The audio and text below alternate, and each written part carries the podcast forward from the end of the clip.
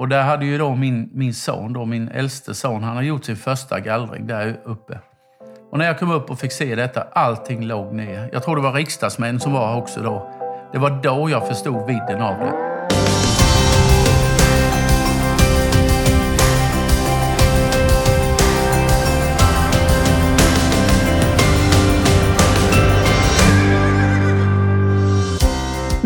Natten till den 9 januari 2005 så hände något som för alltid ristat sig in i själen hos många skogsägare i södra Sverige. I veckans avsnitt av Lantbrukspodden får vi följa med Land Lantbruks mångåriga medarbetare, tillika smålänningarna Marie Henningsson och Anna Nilsson, när de träffar skogsägare som berättar om stormen Gudrun och vad som egentligen har hänt under de här 15 åren som har gått.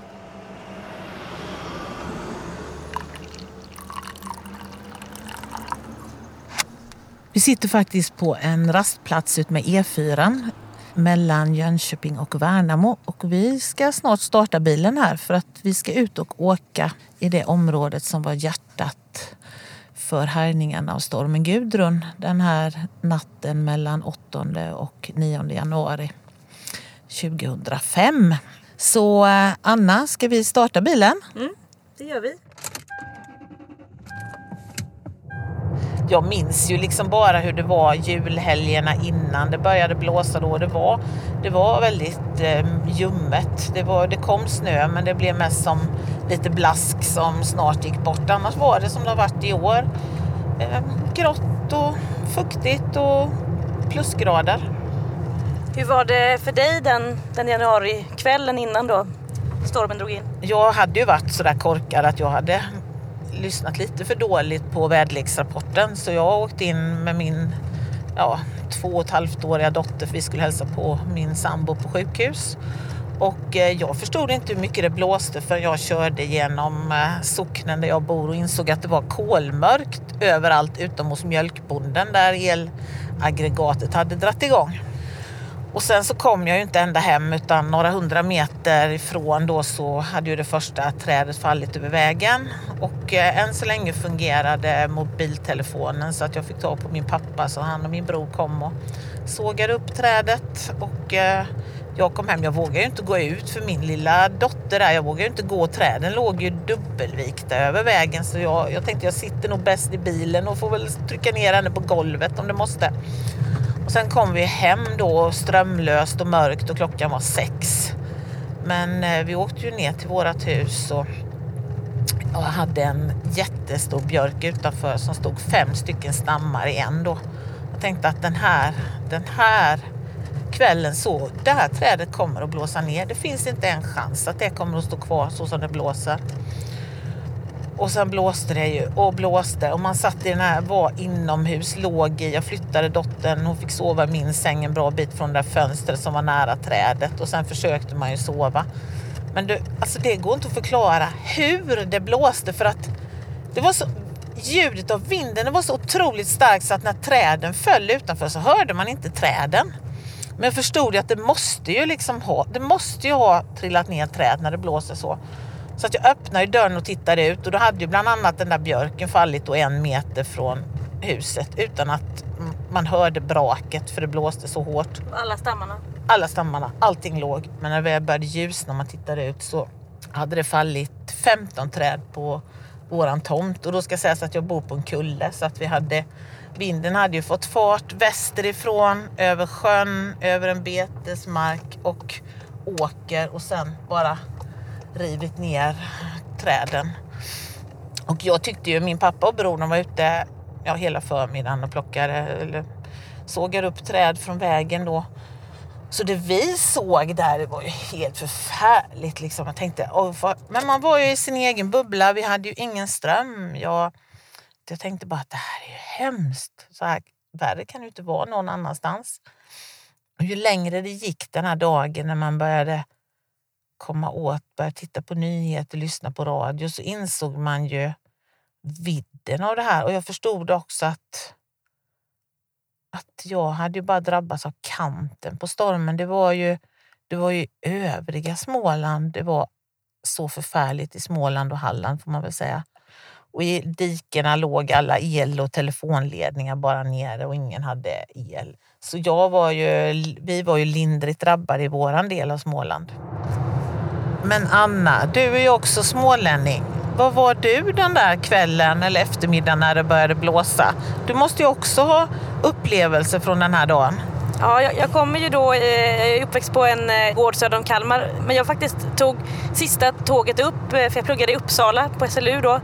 Ehm, och sen så gick det ju inga mer tåg, för det var ju helt nerblåst. Och för mig var det ju en helt surrealistisk känsla av att, att man kände att det var en, en sån kriszon liksom, i Småland.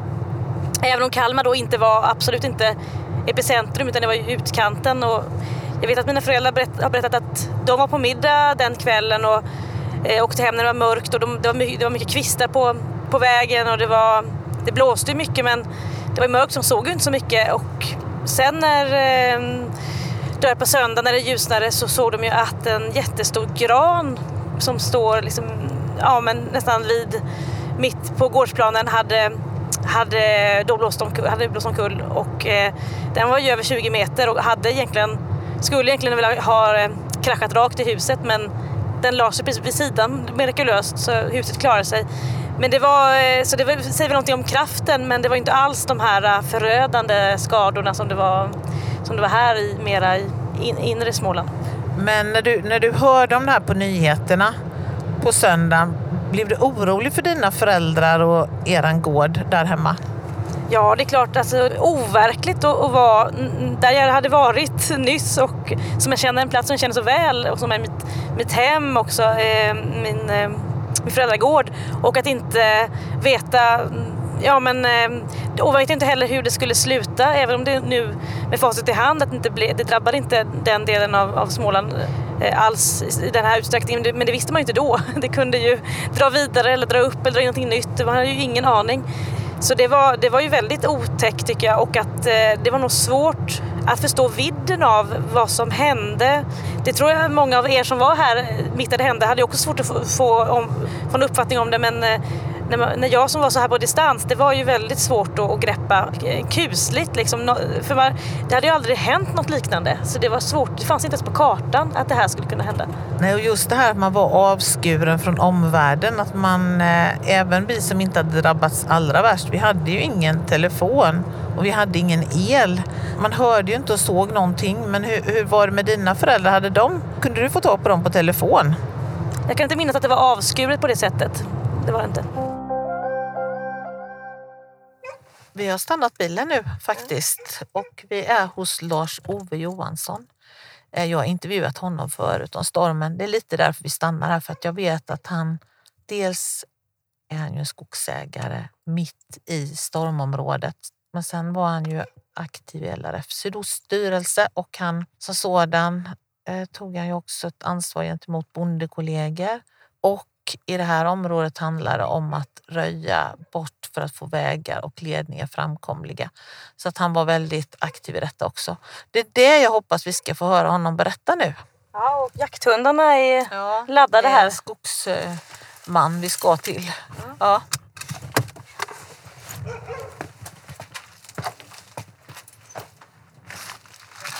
Hallå! Hej! Som sagt, eh, kvällen innan så ringde ju eh, eh, då från, ja det var ju Sydkraft för den tiden. De, hade ju inte, de tänkte ju byta namn men de gjorde ju faktiskt inte det utan det var fortfarande Sydkraft. De ringde till mig och sa att nu måste du säga till dina, dina stödgruppsmedlemmar att eh, det är lite skarpt läge så de behöver nog eh, tanka motorsågen och ställa dig i ordning för det är risk att eh, det blir utryckning imorgon. Och jag ringde till dem och eh, förvarnade dem. Och sen kom lördagen och det var som vanligt. Och jag vet själv att jag var ute och jagade.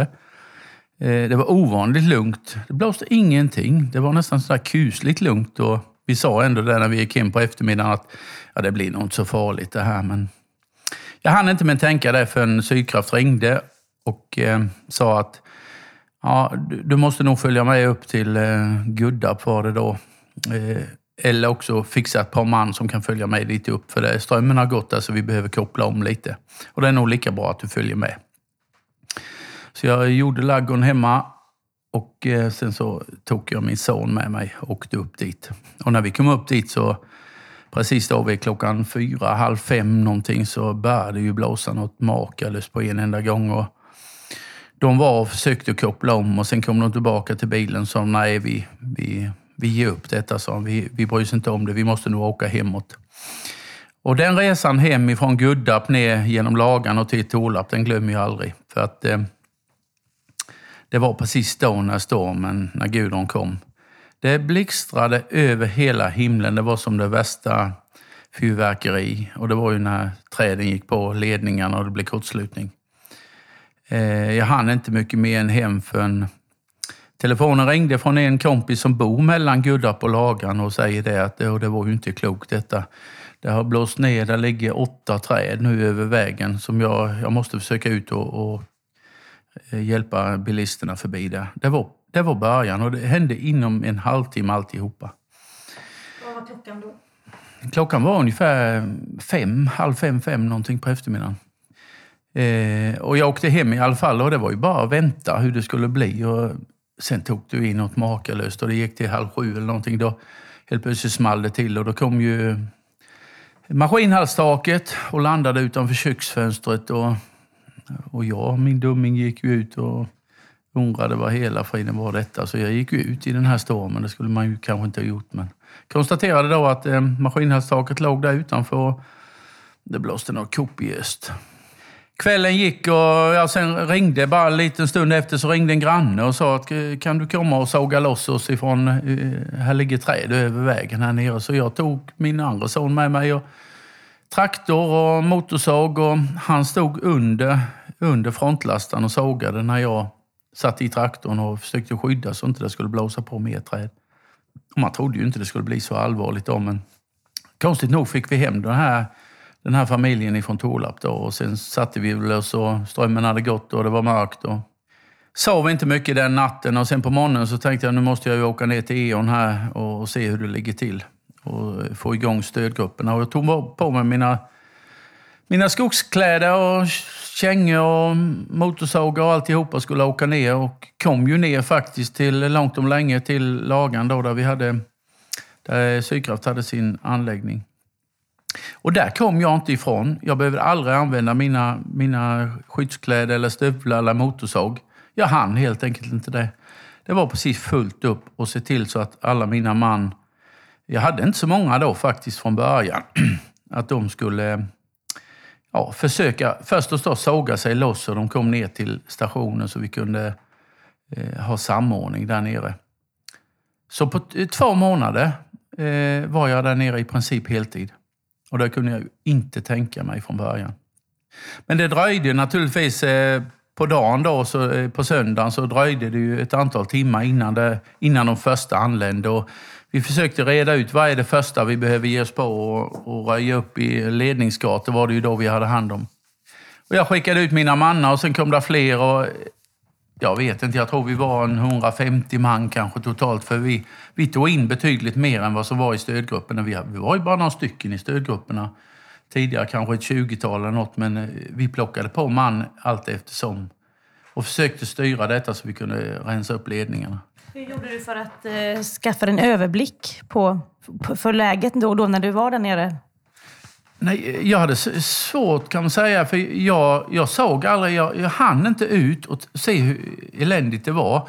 Utan jag hade precis fullt upp och se hur löser vi detta och hur får vi tag på folk som kan röja ledningar och vägar var det ju tal om i början. Va? Så det dröjde faktiskt ganska länge. Jag hörde ju hur illa det var i, i, i telefon och annat, men jag tror det dröjde en vecka Innan jag första gången hade, då var ju reportrar från tidningar och allt möjligt var ju ute och ville göra intervjuer. Och då åkte jag upp i min egen skog.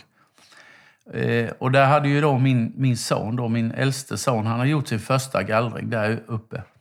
Och när jag kom upp och fick se detta, allting låg ner. Jag tror det var riksdagsmän som var också då. Det var då jag förstod vidden av det. Det liksom brast för mig, för det var min sons första eh, riktiga avverkning i skogen och, och det låg som nedsopat. Och han var ju med också, Martin då, och han gråt och jag gråt. Och, ja, det var jättejobbigt. Då förstod jag nog vidderna, kanske, eller började förstå vidderna av det hela. För sen under, under tiden det gick så, så kom ju de här hem på kvällen. Jag skulle ju samla ihop alla mina man som hade varit ute och, och eh, röjt på ledningarna. Och då kommer de ibland och säger det att Hörru, du, måste, du måste ta kontakt med den och den personen. För han, han, han mår inte bra. Det går inte att prata med honom. Liksom. Och då visste jag ju redan då att då hade ju kommunen hade ju dragit igång och man hade fixat el, elverk och så till hushållen som man kunde hämta där inne. Och det började med att jag åkte ut till några stycken. Jag hade jättetur själv hemma på gården, eller vi, att vi fick tag på ett elverk eh, på söndagen. Ni har djur också? Faktiskt, ja, vi har djur också. Vi hade inte något reservelverk egentligen, för vi hade aldrig haft problem med det. Men fick tag på ett jag hade en elektriker som kopplade in det. Så jag hade ju ström hemma som väl var, så jag kunde sköta, eller vi kunde sköta eh, djuren och det. Och då kom han ut, eh, när jag hade skickat iväg mannarna på morgonen så kom jag ut till, till eh, ja, någon markägare, någon som satt i sitt hus liksom. Och, ja, det var nästan omöjligt att prata med dem.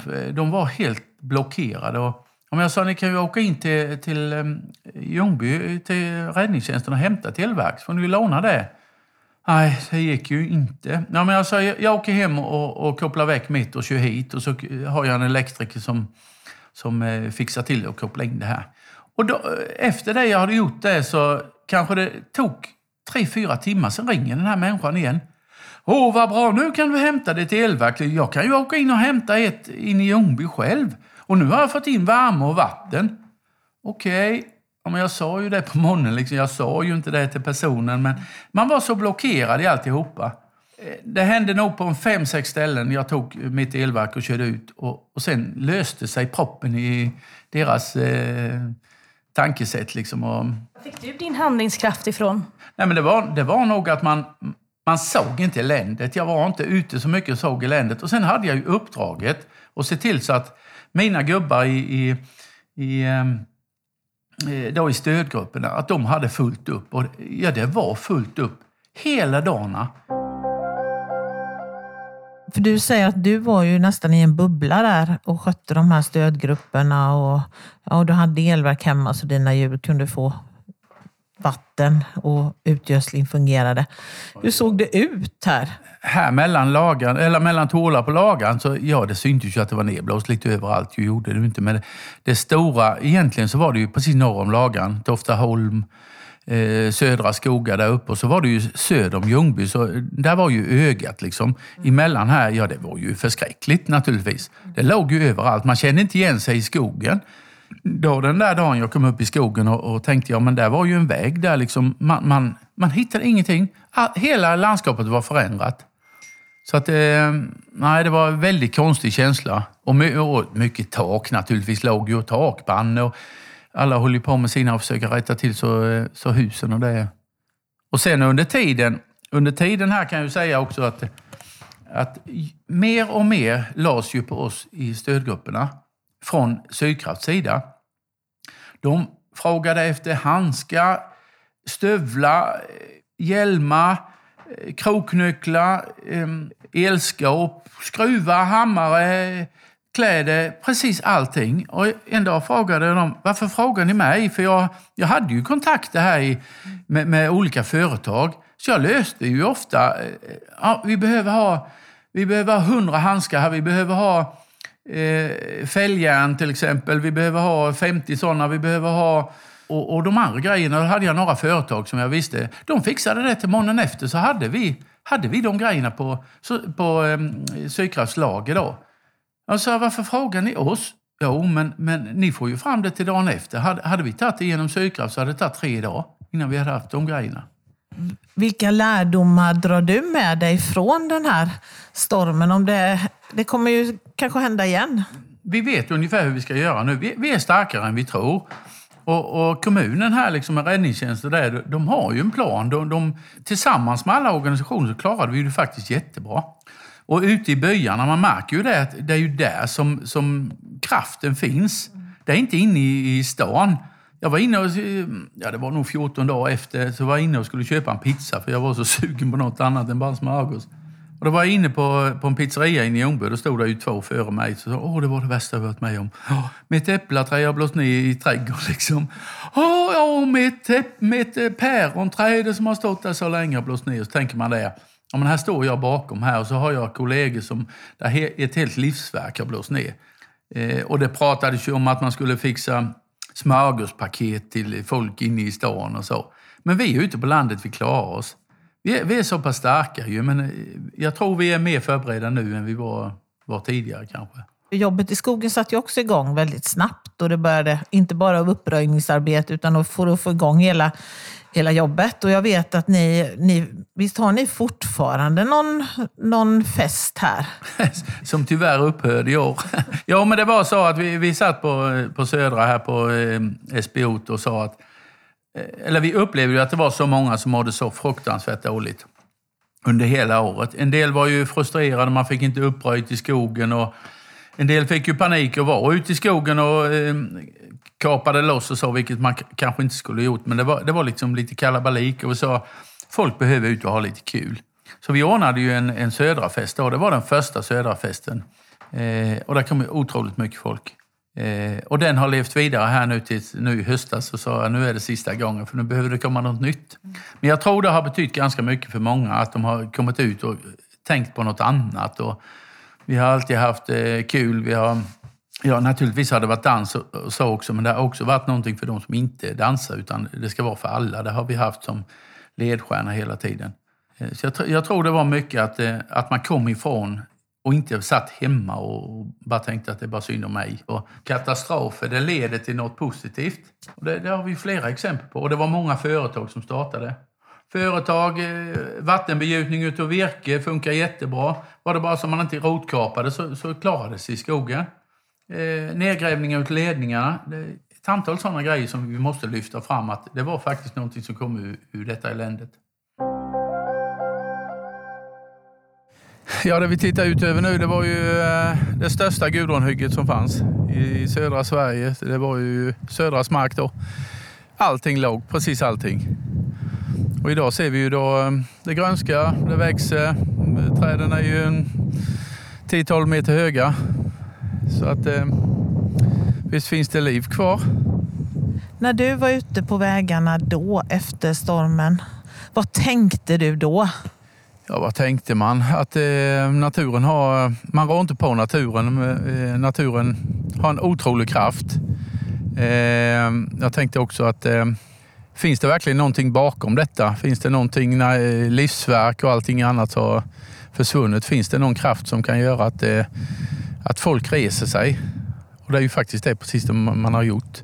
Man har rest sig ur, ur ett, eh, en katastrof, ur en vindens, vindens makter, så har man ju rest sig faktiskt och, och se att eh, det finns liv efter detta och det finns en framtid. Eh, och det, de skogsägare jag träffar nu, de, de känner ju det. Det är otroligt vad det växer, säger man. Och visst är det det. Det finns liv och det finns kraft. Så att, eh, det var nog det man tänkte på. att eh, Kan man verkligen resa sig efter detta? Och det gjorde vi ju. Nu är det ju januari. Inte ett löv på träden. Men det syns ju att björkarna kommer upp, har kommit upp och en del har väl tagits ner också. Och, eh, och sen här nere ser vi den här stenen. Vad, vad är det? Det är en kungasten. Ja, man kallar ju det kungastenen för det var ju faktiskt eh, kungen var ju nere och tittade på eländet här då och eh, jag tror denna platsen, det var i februari 2016 så var eh, Ja, det var ju ungefär ett år efter Gudrunstormen. Då var ju det mesta upprensat här på eh, Södras mark och då var kungen här nere. Och då reste man denna stenen som ett minne, kungastenen i Toftaholm. Och nu har vi då kommit fram till, eh, till en gård där du har varit tidigare. Mm. Nu är vi på Wallersta. Nu har vi ställt bilen här och eh, ja, vi kommer att få veta här när vi träffar eh, styrelsen för Wallersta stiftelsen då. För att när man här bestämde sig för hur man skulle föryngra efter stormen Gudrun så valde man att tänka lite annorlunda och det ska vi låta dem berätta. Så Anna, vi går in i det stora gula huset tycker jag. Det gör vi. Ja, vi sitter här då på Wallersta och eh, den här stora fastigheten som ägs och drivs av Wallersta stiftelsen. Och eh, med mig här vid bordet sitter Johan Larsson, ordförande, kommer från Räftele och Sune Toftgård, vice ordförande och sekreterare. kommer från Tofteryd på Östbo härad. Men hur såg det ut här på Wallersta när ni kom hit veckan efter stormen? Eller ni kanske kom hit redan dagen efter, men hur såg det ut Sune? Ja, vi kom hit på tisdagen var vi här, styrelsen, och gick. Vi kunde ju inte komma fram någon väg utan vi gick i ledningsgatan söderut på gården. Och eh, då vet jag att jag sa att ja, han ligger nog minst 10 000 kubikmeter. Och det fick jag ju ändra på. För att Eh, eh någon dag senare så berättade eh, Thomas Ram från Södra att nu har jag varit uppe och flugit och tittat. Och ringer han och säger du får nog ändra på det där 10 000 kubikmeter. Det är nog mer än 20, sa han då. Hur stor är den här fastigheten, Wallersta? Alltså hur mycket skogsmark är det på den? Ja, totalt är den på 1349 hektar och produktiv skogsmark är ungefär 1080. Eh, ni nämnde ju en siffra här hur mycket mark det var då som berördes av stormen. Hur stort var det? Eh, cirka, det var ju med Per också, men cirka 350 hektar som blåste ner. Så det var ju i princip en tredjedel. Den här omfattningen då, 20 000 kubikmeter fick du veta av Thomas Ram, Sune. Hur, eh, vad hände sen då? Ja, det var helt andra siffror sen. När vi eh, summerar efter stormen allt virke så vet jag vi räknade ut att cirka 3000 långtradare fullastade med virke det innebär alltså 100 eh, 000 fubb var det som eh, låste ner Gudrun och Per. Här på denna fastigheten? 3000 långtradare? Svar ja. Det blir det. Om du räknar ut med den volymen så blir det så mycket. Så att det, det är, helt, men det är otroligt alltså. Så mycket var det. När hade ni fått ut det från skogen här? För att jag vet, det var ju verkligen febril aktivitet. Ja, 2005 på hösten eller fram till jul var vi ju nästan klara med all upparbetning. Men det låg ju mycket virke kvar hela den vintern. Så jag var själv här och körde med skördare också. Fick hjälpa till.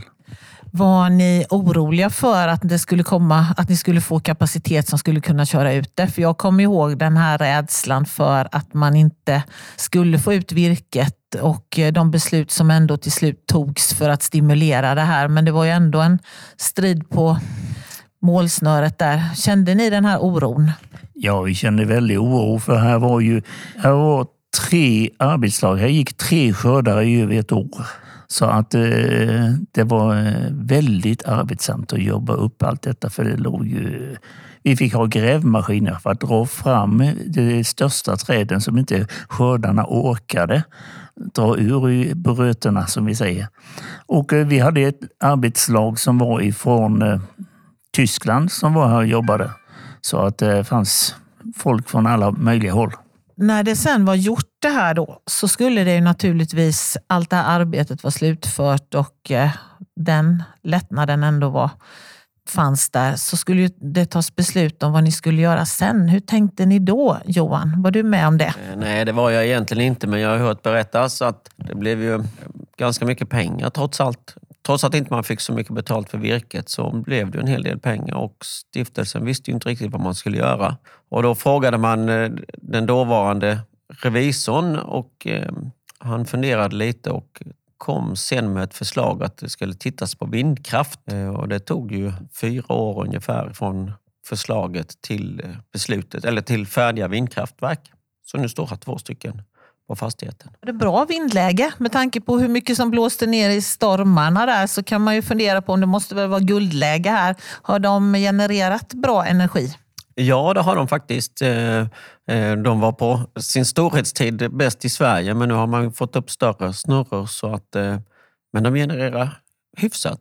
Och sen skulle det återbeskogas då. Om ni säger 350 hektar rent från gran så skulle det planteras nytt. Hur tänkte ni då Sune? Ja, då tänkte vi så här att vi måste ju tänka att vi ska ha mer än gran och tall.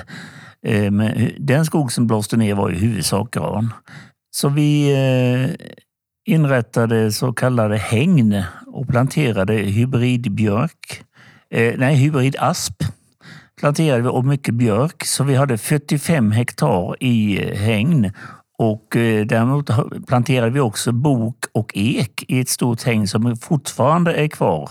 Eh, som eh, vi hade problem med älgar och sånt som hoppade över staketet och, och ville äta upp alla våra bokar och eh, ekar. Så att, eh, men eh, det har slagit mycket väl ut och vi kan åka ut och titta på dem sen. Ja, det ska bli jättespännande att se. För du säger de första hängnen har ni plockat ner då från de här, eh, det är bok och ek där ni har hängnen kvar. De andra har ni monterat ner. De har vi monterat ner, de säger björk och eh, hybridasp. Men eh, eken och boken, där måste vi vara rädda om lite till. Det fanns, fanns det, fanns bidrag man fick om man anlade hängn, eller hur var det med det? Jo, det fick vi och nu kommer jag inte ihåg hur mycket vi fick per meter, men det, det har vi fått i alla våra hägn, ja. Hur har det varit att följa de här då? För jag tänker, där ser ju, skogen fick ju en annan karaktär när ni fick de här hängnen med helt annan skog jämfört med den mörka granskogen. Ja, det är helt annan eh, natur där nu och mycket ljusare och trevligare på så vis. Så att, eh, och det ligger lite mer närmare gården här så att det ligger i närheten utav själva inägorna. Så att det, det passade väldigt bra. Jag förstår ju att röjning måste ni ha gjort. Har, ni gjort någon, har det skett någon gallring än eller hur, hur har det gått med skötseln? Ja, en gallring har vi inte gjort, men däremot röjning. Så nästa gång tror jag det är gallring på gång. Vi har röjt alla våra hyggen två gånger sedan Gudrunstormen. Så att det, det är, ser väldigt fint ut idag. Har ni hunnit ifatt eh, med röjningen på alla, all granplantering också? Granplanteringarna är, är som sagt var röjda två gånger. Där vi, eh, röjning går alltid fortare än man tror, men det går fortare även till gallring. Vad det gäller hängnen också ska man vara medveten om att det kostar en slant att ta ner dem och kräver en arbetsinsats eh, både utanför hängnen och innanför. För att det växer ju in sly i själva hängnet och i, i stängslet det här med granen. Jag ser ju själv när jag åker på vägarna nu där, eh, där stormen hade rivit ner skogen. Där är det ju ganska höga granar just nu. Har det växt väldigt bra efteråt eller vad är er uppfattning? Ja, eh, det var en uppfattning. Det växer väldigt bra. Man ser på toppskotten, de är ju kanske uppåt en 70-80 centimeter på förhållandevis små granar. Jag känner en sån här eh, vinter som jag sa till Anna innan att, att det här är en sån här mild vinter. Man blir lite nojig, lite rädd att det ska börja blåsa igen. Hur tänker ni? Ja, det är ju alltid så vid den årstiden. Eh, om det är varmt, eh, det var det innan Gudrun har jag för mig. Och sen vet ju alla vad som hände. Och det var en årsdag, Gudrunårsdag. Det var varmt innan och det började blåsa på kvällen. Likadant, nästan. Eh, Men det känns ju inte riktigt eh, optimalt. Man är lite sådär. För nu är ju detta en stiftelse då som sagt med ett stort skogsinnehav. Men jag, du Johan är skogsägare och du Sune också har varit. Ja. Hur, eh, påverk, hur drabbas ni själva personligen eller era fastigheter? Hemma på min fastighet, eller det var farsans fastighet då, det var ungefär procentuellt sett lika mycket som här. För en stiftelse är ju ändå, den ägs ju av många. Det blir inte samma personliga eh, känsla som det blir när det är ens eget. Det man själv kanske har varit med och jobbat med. Så det, den känslan, hur skulle du beskriva den? Ja, vad ska man säga där? Eh, det kanske är tvärtom. Om man gör något misstag hemma så får man lida av det själv. Men gör man något dumt här så är det någon annan som kanske tycker att det var, så skulle ni inte gjort. Men eh, samtidigt så är det ju här det ska testas lite grejer, kan jag tycka. Mm, Något hängd som, ja, då får man veta att det här funkar det inte. Eller så funkar det jättebra. Men är det någonstans man ska, kan testa så är det ju här. Det är ju det vi är till för lite grann. Hur såg det ut hemma hos dig då Sune efter, om vi tar den stormen där, Gudrun?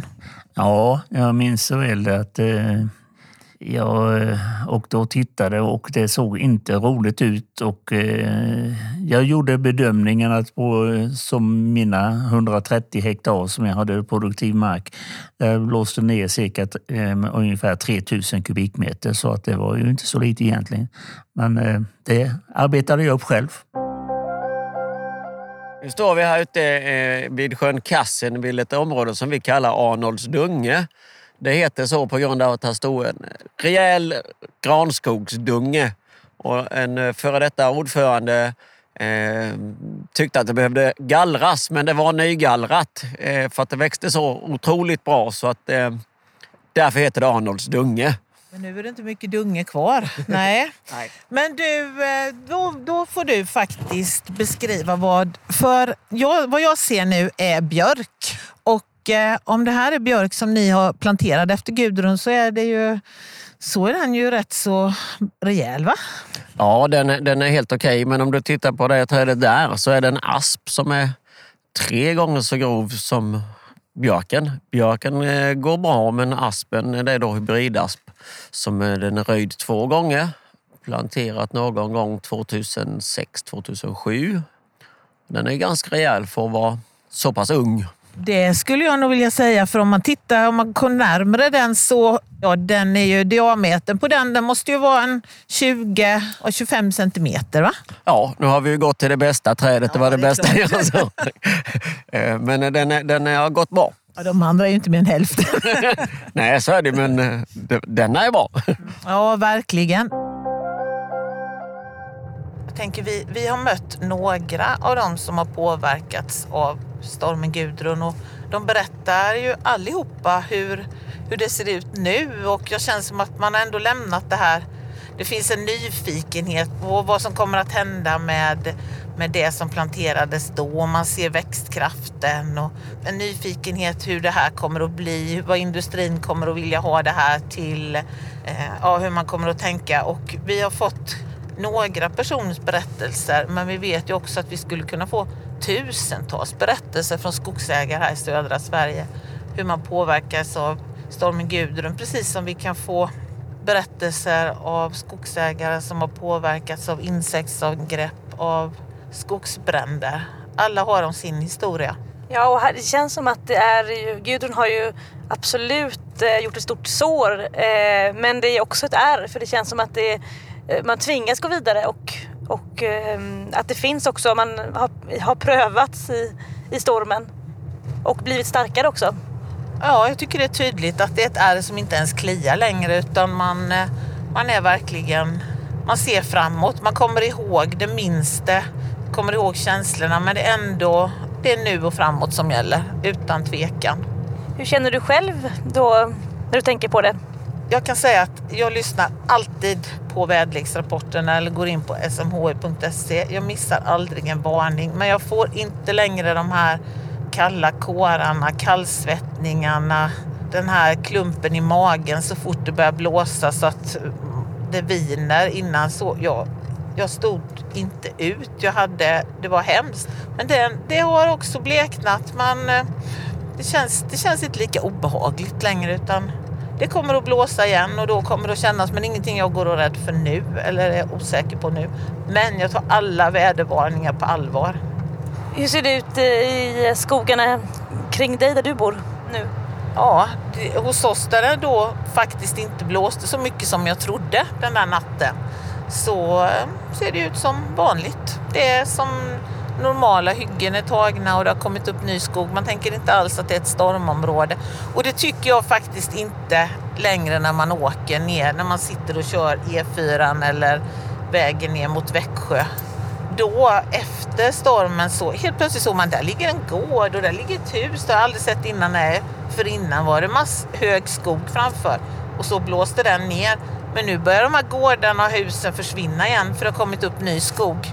Så det, man ser verkligen hur, vilken växtkraft den här skogen har här i södra Sverige. Du har lyssnat på Lantbrukspodden som ges ut av LRFs medlemstidning Lant Lantbruk och som en del av LRF Media. Reportrar här var Marie Henningsson, skogs och lantbruksreporter och Anna Nilsson, chefredaktör.